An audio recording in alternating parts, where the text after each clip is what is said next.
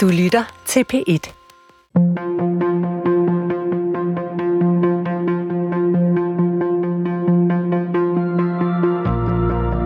Hvad kan vi bruge en næsten 2.000 år gammel samling tekster til? Kan vi overhovedet forstå os selv, uden at læse Bibelen? Christian Let mener, at Bibelen er verdens vigtigste bog. Lauke Hendriksen læser den for første gang.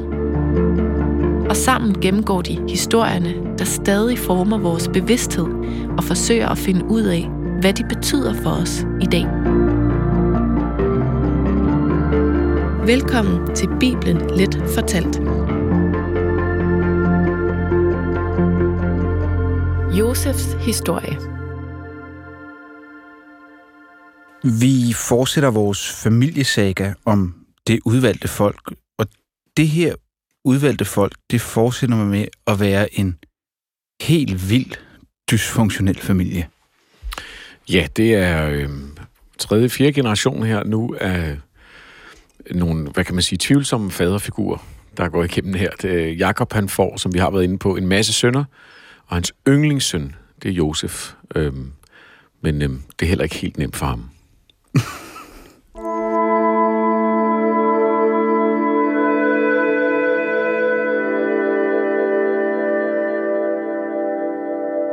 Jamen, jamen, det er fuldstændig rigtigt. Altså, Jakob, som vi har taget sig af for nylig, det var også ham, der snød sin far Isak og fik hans velsignelse på bekostning af sin bror Esau.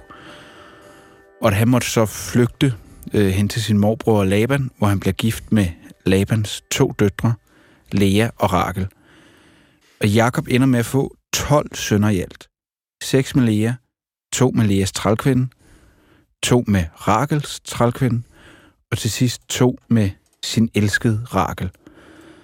Og med Rakel, der får han først Josef, og til sidst Benjamin, hvor, hvor Rakel på tragisk vis dør i barselsengen. Af, af de her 12 sønner, Jakob får, så er Josef hans absolut favoritsøn. Mm. Og det er de andre sønner ret misundelige over, og, og det hjælper heller ikke, at Josef ligesom fortæller om sine drømme, der er sådan en metafor på, at Josef er den største, og de andre de vil bøje sig for ham. Og en dag, der bliver Josef så af sin far sendt hen til sine brødre, der er ude at vogte for. Og brødrene, de ser ham sådan ankomme, og så kommer misundelsen op i dem, og de øh, planlægger at dræbe ham. Men den ældste bror Ruben, han formidler dem, og i stedet så smider de ham i en cisterne, og efterfølgende sælger de ham som slave til en karavane på vej til Ægypten. I Ægypten, der bliver Josef solgt til farvens livvagt, men han ender med at komme i fængsel, fordi livvagtens kone er syv over, at Josef ikke vil i seng med hende, og i stedet anklager hun ham for overgreb. I fængsel begynder Josef at tyde de andre fangers drømme, Øhm, og det rygte når farven, der synes, han er så god til at tyde drømme, at han til sidst ender med at være farvens højre hånd. Det her, Christian, det er en øh, helt vild øh, eventyrhistorie, hvor man kommer fra en meget god position, eller Josef gør, ender helt nede i sølet, og når man troede, det ikke kunne blive værre, så bliver det værre. Og så til sidst, her hvor vi ligesom stopper den, der kommer han helt op på toppen. Ja, og, og vi skal sige, at vi stopper den jo altså midt i. Øh, vi har valgt at dele den her historie over øh, i, i, i to programmer, fordi det er en lang historie. Og du har fuldstændig ret. Øh, her der har øh, Josef, han er startet på toppen som yndlingssønnen, røget helt ned og kommet op igen. Øh, han er så røget i fængsel igen, og øh, er netop efter at tyde farvens drømme. Altså, der, der er sådan en, virkelig sådan en en, en øh, hvad kan man sige, overordnet øh, karakterudvikling i den her historie. Og det er ikke øh, noget, man bare skal hoppe over. Det er egentlig ret vigtigt, fordi den her tekst, den ligner ikke de foregående historier. Hmm. Altså de foregående historier, der overhovedet er i Bibelen. Hvis vi taler om, at der er de her myter først, som vi har været inde på med, med Norsak og Adam og Eva, Babelstårnet, Kain og Abel, og så de her historier om patriarkerne, Abraham, Isak, Jakob, øhm, så har begge de to typer af historier sådan en ret klar karakter af at skulle forklare noget grundlæggende om jødernes ophav, eller om hvordan verden er indrettet. Øhm, mm. De, de har det, man sådan kalder skematiske træk. Øh, skematiske på den måde, at, at øh, øh, karaktererne er sådan ligesom underordnet en, et, et schema for øh, det, der skal fortælles. Altså det, der er vigtigt. Det er også derfor, der nogle gange opstår nogle meget, meget mærkelige sprækker i historierne, fordi at vi ikke mere forstår, hvad det var, øh, de mente med det, øh, og derfor så handler karaktererne for os irrationelt, eller, eller, eller øh, spændende, eller okult, eller et eller andet, og så bliver det ligesom en, en helt tolkningslag. Det er der ligesom ikke rigtig så meget af i denne her øh, fortælling. Øhm, det, den, er, den er simpelthen velskrevet. Det, det er et rigtigt eventyr, som du er inde på, øh, med, med, med en hovedkarakter, som vi kan holde med, som har en psykologi, som vi også kan forstå, som bliver udsat for en masse ting og, og reagerer på det. Øh, det er også en meget, meget længere historie. Altså de her mm. kæmpe dramaer om Isak og, og Abraham, de fylder, altså du ved, 20 verser, 19 verser og sådan noget der, hvor, hvor det her, det er virkelig en, øh, der er frem og tilbage og ind og ud af forskellige lande og bikarakterer og subplots og alt sådan noget der, ikke?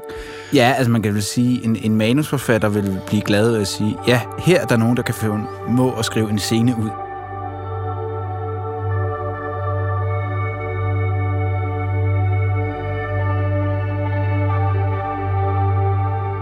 Første Mosebog, kapitel 37. Josef var 17 år, og han vogtede får sammen med sine brødre. Israel elskede Josef mest af alle sine sønner, for han havde fået ham i sin alderdom. Da hans brødre så, at deres far elskede ham mest af alle brødrene, kom de til at hade ham og kunne ikke tale venligt til ham. En gang havde Josef en drøm, som han fortalte sine brødre, og de kom til at hade ham endnu mere. Han sagde til dem, Nu skal I høre, hvad jeg har drømt. Vi var ved at binde ned ude på marken. Mit næ rejste sig og blev stående, mens jeres næ slog kreds om mit næ og bøjede sig for det. Da sagde brødrene til ham, Skal du måske være konge og herske over os? Og de havde ham endnu mere på grund af de drømme, han fortalte dem.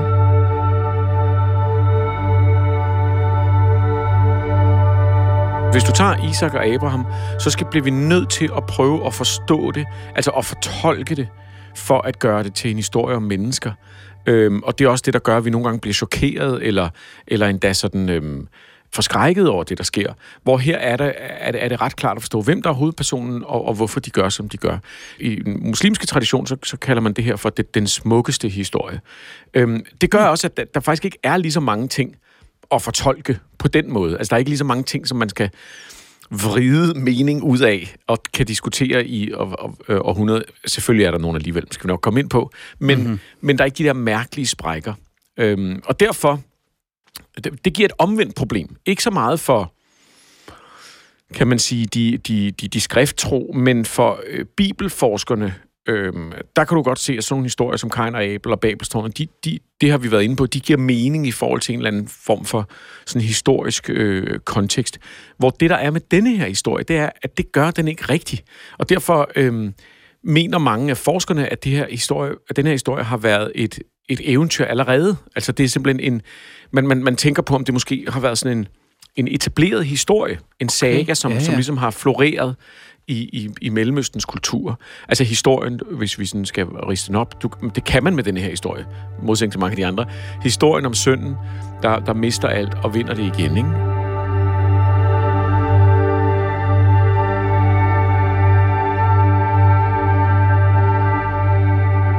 En gang var hans brødre taget ud for at vogte deres fars for ved Sikkim. Israel sagde til Josef, Tag afsted og se, hvordan dine brødre har det, og hvordan det går med fårene. Bring mig så besked tilbage. De så ham i det fjerne, og før han nåede hen til dem, lagde de planer om at dræbe ham. De sagde til hinanden, der kommer den drømmemester. Lad os slå ham ihjel og kaste ham i en af cisternerne og sige, at et rovdyr har et ham. Lad os så se, hvad der kommer ud af hans drømme.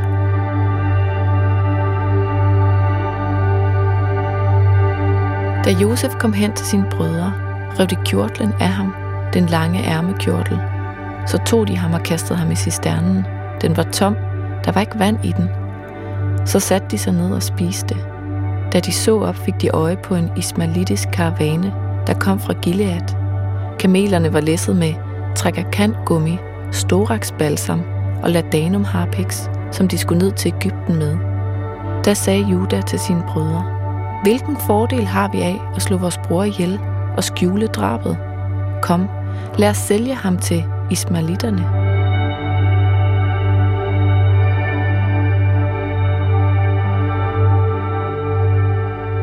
I traditionen, kan man sige, så er Josef kendetegnet ved at være smuk, som jeg sagde. Øh, det ser vi i beskrivelsen af ham hos øh, Potifar, altså den her, eller Potifar, den her egyptiske, øh, hvad hedder Livvagt, det? Ja, ja, funktionær, kan man sige, i, i Faraos øh, styre, som han jo bliver solgt til og, og straks excellerer. Han excellerer, fordi at han er klog, fordi han er smuk, må det være, og fordi han er flittig. Han er, han er en forbilledelig menneske. Han er så god, at selv om han bliver solgt som, som slave, så, så udfører han sit, sit job så godt, at, at, at Potifar gør ham til øh, den øverste i, i husholdningen efter ham selv. Han får mm. øh, ansvar. Øhm, og så er det jo det her med, at Potifars kone også er så vild med ham, at hun vil i, seng med ham, og da han ikke vil, laver hun en øh, svinstreg og beskylder ham for at forsøge at voldtage hende.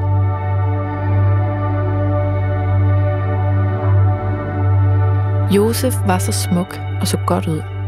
En gang skete det, at hans herres hustru kastede sine øjne på Josef og sagde, Kom og lig hos mig.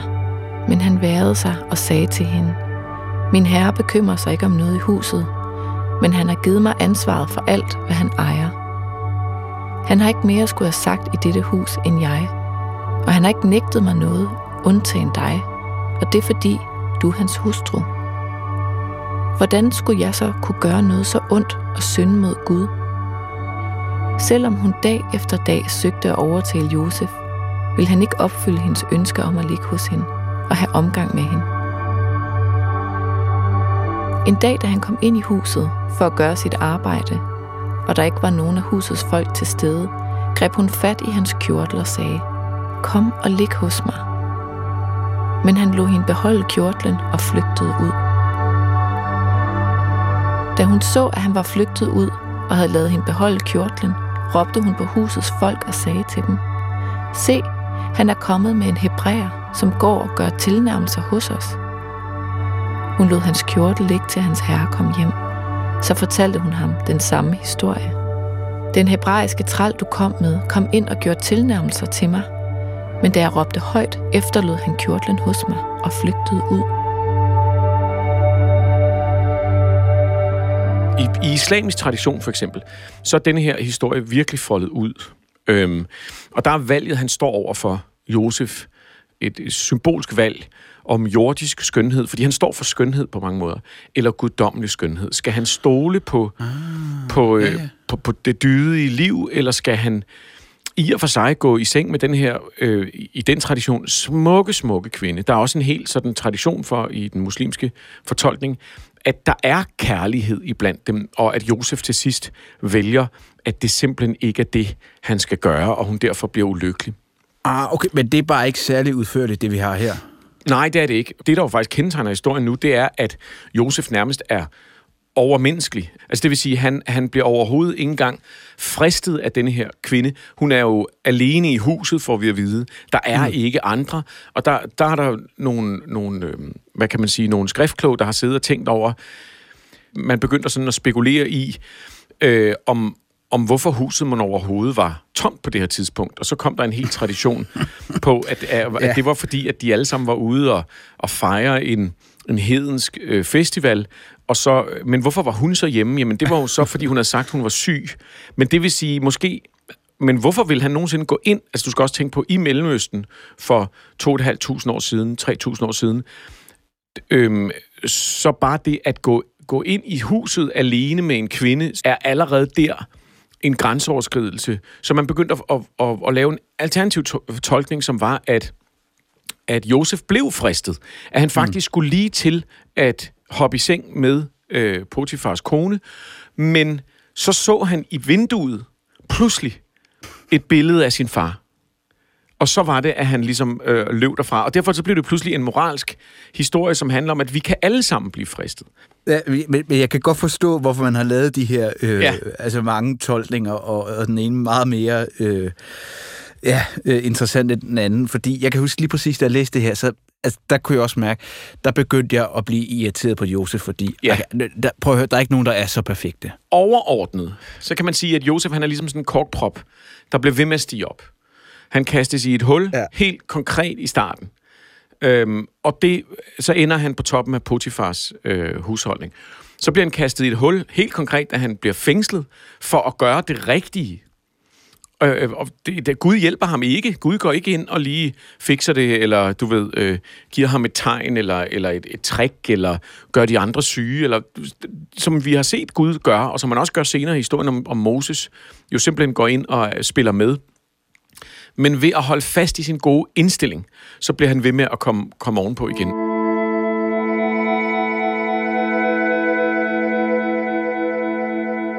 Udover at være smuk, som vi får at vide, han er, han er en virkelig flot fyr, så er han også altid tålmodig. Altså, når du for eksempel siger, at han ryger i fængsel, og, og så tyder han sin, sin, øh, de andre øh, fangers drømme, så går der jo altså to år, hvor, hvor han er i fængsel, mm. før Farao, han hører den historie, hvor Josef, han bare venter. Josef er ja. aldrig utilfreds. Han er ligesom på mange måder en... øh, Han er, han er to ting. Han er tålmodig, og han er vis. Han lægger sin lid til Gud. Jamen, han er jo næsten, altså det vil jeg så sige, han er næsten irriterende øh, rolig og Ja. sind, ikke? Der var du inde på noget. Han er nemlig sind. Jeg ved godt, at sind her bliver en meget, meget flad kliché, vi bruger på den her måde. Øh, men det, man mener, det er, at denne her har et spor af det, man kalder visdomstraditionerne. Vi har før været inde på visdomstraditionerne som noget, der, der var i Sumerien og i Ægypten, som, som mere ligner netop sådan noget, som vi kender fra, fra Østen, men som er sådan en, en etik og en filosofi og en livsindstilling, som vi kan genkende både fra egyptiske tekster og, og, og sumeriske, som, som netop går ud på sådan noget med, at at være vis, at være tålmodig, at, at vide, at der er en mening med det hele, at der er en orden, der ligger bagved øh, verden. Og det, det er jo noget, vi nok godt i dag vil kunne se som en del af kristendommen, for eksempel. Men det er jo, hvis du læser de andre historier, vi har læst tidligt fra Bibelen, det er der ikke særlig meget øh, tegn på. Der er Gud en, der går ind og laver om på det, når han synes, og pludselig går hele verden under, og så bliver han vred. Og, øh, hvor, hvor, hvor i Josef-historien, der giver verden mening. Men hvor- Hvordan giver den mening? Jamen her giver det me- mening at stole på verden, selv når det går aller værst. Hvis der er en moral i den her Ja, ja, historie, ja. så kunne den godt være, at selv når det er aller værst, så vær tålmodig og sæt din lid til, til hvad kan man sige, universets orden, eller den himmelske, øh, guddommelige mening med det hele. Ikke?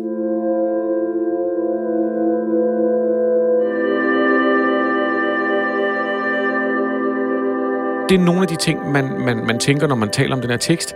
Både at den måske afspejler en helt anden tradition, øh, sådan rent indholdsmæssigt, altså moralsk, men derudover har den også som tekst bare et, et helt andet præg, og det, det lyder mærkeligt, når man snakker om Bibelen i et moderne program her, men den bærer på mange måder mere præg af at være fiktion, mm. hvor de andre øhm, legender og myter fra det gamle testamente har en eller anden intention eller, eller forestilling om at være historiske. Ja. Det var det, der skete, da du ved, øh, stammerne blev til, og det var det, der skete, da sådan og sådan. Så, så bærer den her historie simpelthen præg af at være en, en, en rigtig god røverhistorie med, med Ja. gode karakterer, ikke?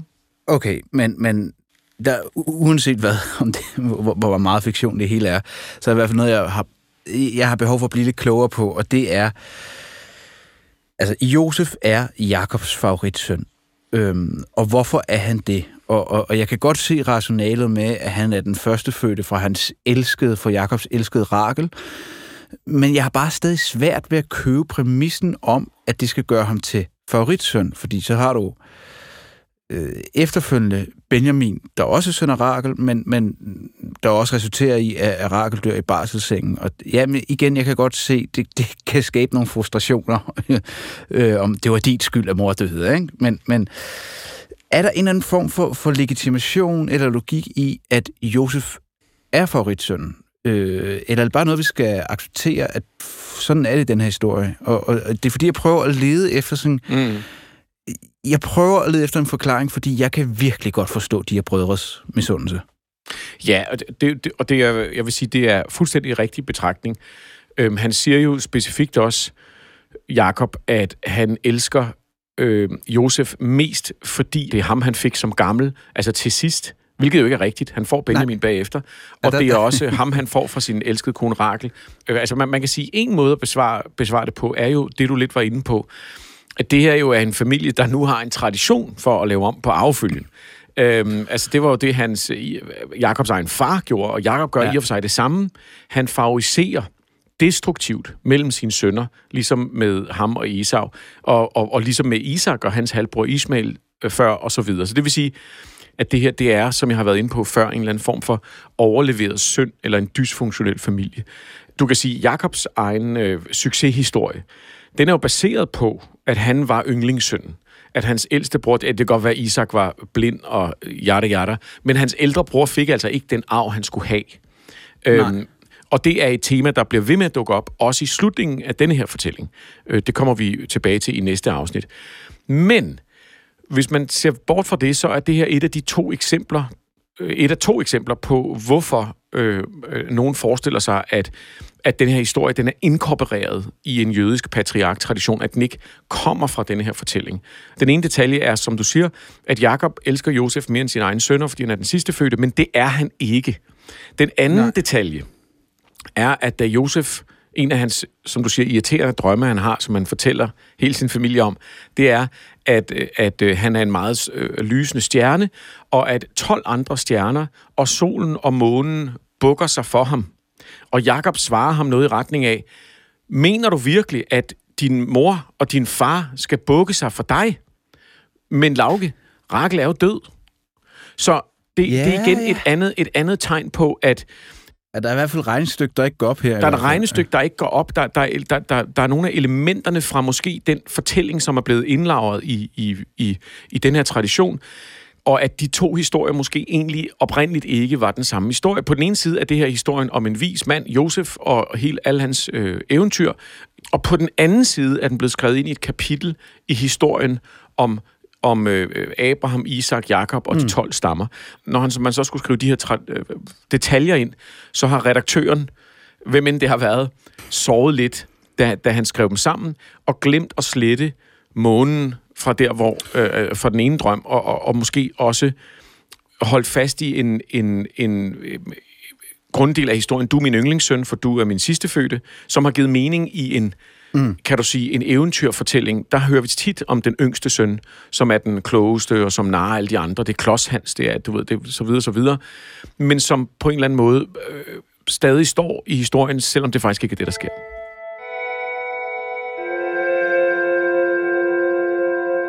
De behandler ham uretfærdigt, men, men jeg forstår godt, hvorfor de bliver misundelige. Altså, de der drømme der, det er jo bare at sige, nu skal I høre, jeg har set, jeg kan se i fremtiden, jeg er, jeg er totalt overlegne, og I bliver mine undersåtter. Jeg kan bare tage tænke, paradokset er jo faktisk, at hvis han ikke var så irriterende og fortalte de her drømme, så ville de heller ikke komme til at ske. Fordi det er jo det, der resulterer hele hans rejse. Ja, og der, der kan du sige, der ligger jo netop også denne her visdomstradition, en, en tro på skæbnen, en tro på, at noget er, er forudbestemt som jo ikke er noget, vi ellers egentlig har set i, i de andre historier. Der får Gud lyst til at vaske tavlen ren lige pludselig, fordi det gik ikke, som han skulle. Men pludselig er der her en idé om, at tingene er skrevet, som de var, som måske mere øh, hænger sammen med et, kan man forestille sig, et egyptisk rige, der har eksisteret i tusinder af år. Altså, hvor at, at der er en eller anden idé om en, en, en naturlig følge, og det også har været den historie, man gerne vil fortælle, på en måde så er øh, Josefs fortælling en skæbne fortælling. Og så har vi jo hans øh, øh, øh, Josefs drømme, som, som jeg ser det som både er en katalysator for hans tragedie og hans lykke, fordi øh, at, at det er både det, der skaber, at han ligesom e-, ender nede i sølet, øh, men også det, der gør, at han kommer op af sølet. Men, men jeg kom til at tænke på, hvordan skal vi forstå det her drømmetydning? Fordi altså, vi har jo, øh, du har efterhånden guidet mig igennem øh, mange syn og åbenbaringer i Bibelen. Men hvordan adskiller drømme sig fra åbenbaringer? Øhm, man kan sige, at, at drømmetydning er... Altså for det første er der selvfølgelig en, en tradition øh, for at mene, at de havde, at de, de, de handlede om fremtiden, eller de kunne fortælle dig noget om virkeligheden, som du ikke kunne se ellers. Der var ikke den der klare idé om en indre og en ydre verden. Du ser det også i, i animistiske folk, i, i, i shamanistiske traditioner osv., at hvis jeg drømmer noget, øhm, lad os sige, jeg, jeg drømmer, at jeg bliver jagtet af en klovn, der har en kniv, øhm, og at du ved, at, at, at jeg, jeg, jeg er ved at dø. Hvis jeg har fortæller... for meget Stephen King. Lige, okay, præcis, ja. lige præcis. Det vil være, din reaktion er, du har set for meget Stephen King. Hvordan har du det øh, lige for tiden? Eller, nå, det var sgu er. Altså, der, det vil være, du, allerede i, i din respons handler det om, at det er noget, der sker inde i mit hoved. Hvis jeg står i en stamme i, i, i øh, Papua Ny Guinea og er en del af den kultur og fortæller det til min ven, så vil han, vi holder fast i klovnen her, selvom den måske ikke optræder så meget der, men så vil han, øh, så er der en chance for, at min ven vil sige, ham har jeg også mødt i drømmen. Hmm. Hvad gjorde han, da du så ham? Eller jeg så denne her ting, at det, altså det, det vil være ideen om, at vi, når vi drømmer, får adgang til noget, som er lige så virkeligt.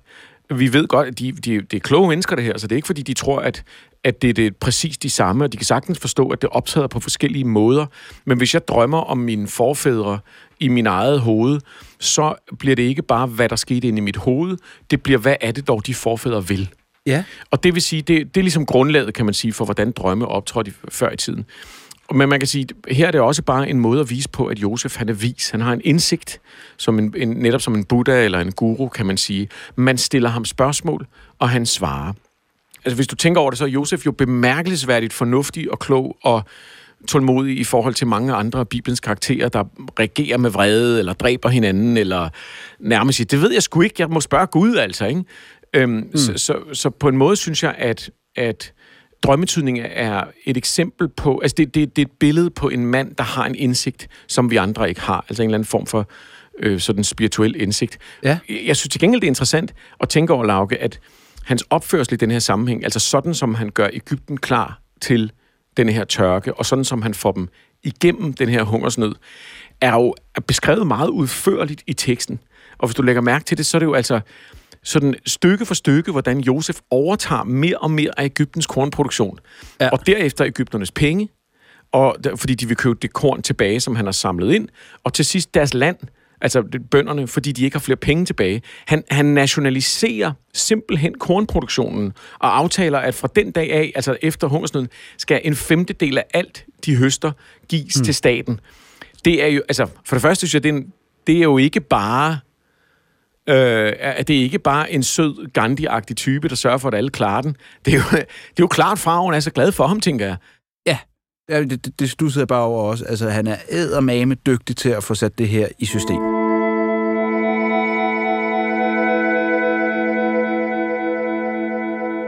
På mange måder kan man sige, det her er jo også en historie, der giver en forklaring på, hvorfor historien om Moses begynder i Ægypten. Det, det skal vi huske, det er den næste kapitel. Ja. Det er det slutningen på første Mosebog. Anden Mosebog starter med historien om Moses. Øhm, well, det her det er jo på en eller anden måde historien om, hvordan det skete, at de endte der. Det interessante måske er, at her der, der slutter den historie jo ikke med, at jøderne er slaver. Den slutter med, at de nærmest er altså de er kongerne, du ved. De har fået deres eget land, og de er velkomne gæster, og Josef han sidder på toppen af poppen. Men anyways, så går der nogle hundrede år, øh, og, så, og, så, og så er de alle sammen slaver. Men på en eller anden måde kan man sige, at det her er en af grundene til, hvorfor denne her fortælling nok også ligger her, altså i, øh, i, i, i forløbet, er, at det her det er en fortælling, der øh, laver verdens bedste setup, kan man sige, til den anden øh, måske hovedmyten i jødisk selvforståelse, som er historien om Moses og, og befrielsen af jøderne fra Ægypten.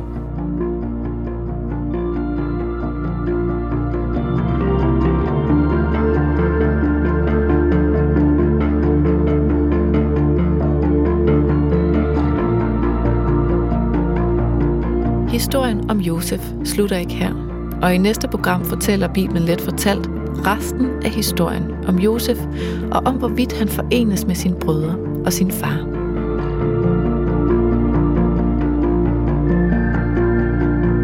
Husk, at du altid kan lytte til tidligere episoder i DR's radioapp DR Lyd.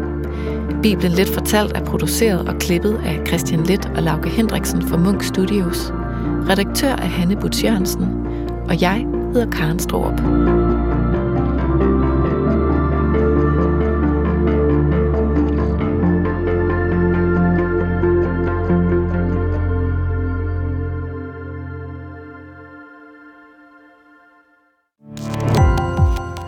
Gå på opdagelse i alle DR's podcast og radioprogrammer. I appen DR Lyd.